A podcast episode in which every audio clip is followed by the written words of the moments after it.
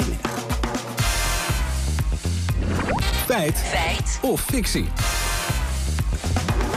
En dat gaat over, Lammert, bedreigde vogels. Ja, want afgelopen vrijdag zat vogelfanaat Arjan Dwarshuis weer bij Umberto hier op Radio 1. En die vertelde dat het niet goed gaat met de vogels. Door uh, allerlei veranderingen in de wereld wordt een groot deel met uitsterven bedreigd. En hij komt met heel opvallende cijfers. Op iedere acht vogelsoorten die, die je buiten ziet, is er één bedreigd. Ja, 1 op de 8. Nou, dat klinkt toch wel ernstig. Ja, tijd om dat uit te vogelen. Volgens uh, bioloog en vogelkenner Frank van Groen is het best zorgwekkend als vogels met uitsterven worden bedreigd. Het is op zich eh, geen goed teken, want uh, we leven natuurlijk in een wereldwijd ecosysteem waarin alle soorten een bepaalde functie hebben. En als je soorten kwijtraakt, kan dat weer allerlei effecten hebben, want elke soort heeft een bepaalde rol in het ecosysteem. Dus uh, soorten kwijtraken, de biodiversiteit verlagen, dan maak je een, systeem minder robuust.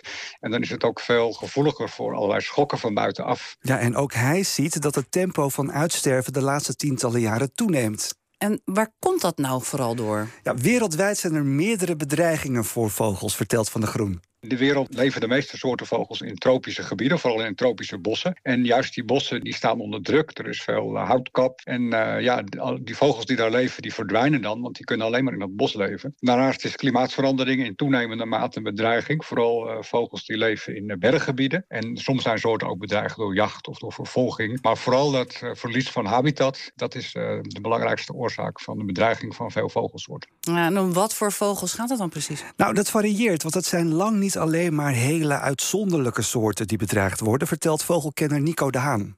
Is opmerkelijk dat het ook met voor ons gevoel hele gewone vogels niet goed gaat. Neem nou de boerenzwaluw. Ik bedoel, dat is toch een hele algemene vogel. Die staat ook op de rode lijst van bedreigde vogels. Een heel belangrijk voorbeeld is de zomertortel, die eh, vroeger algemeen voorkwam in Nederland. Er zijn er nu nog een paar honderd van die je met een lampje moet zoeken. En die verdwijnen omdat ze A, in Nederland geen kruidenrijke graslanden meer hebben. B, onderweg in Frankrijk worden geschoten. En C, in de overwinteringsgebieden gaat het ook nog eens niet goed. Dus als je dat allemaal keer optelt, dan je het als vogel heel moeilijk. Zijn die vogels niet een beetje te helpen? Ja, gelukkig wel. En dat uh, hoeft niet eens zo heel moeilijk te zijn. Neem bijvoorbeeld je eigen tuin eens onder handen, zegt de Haan.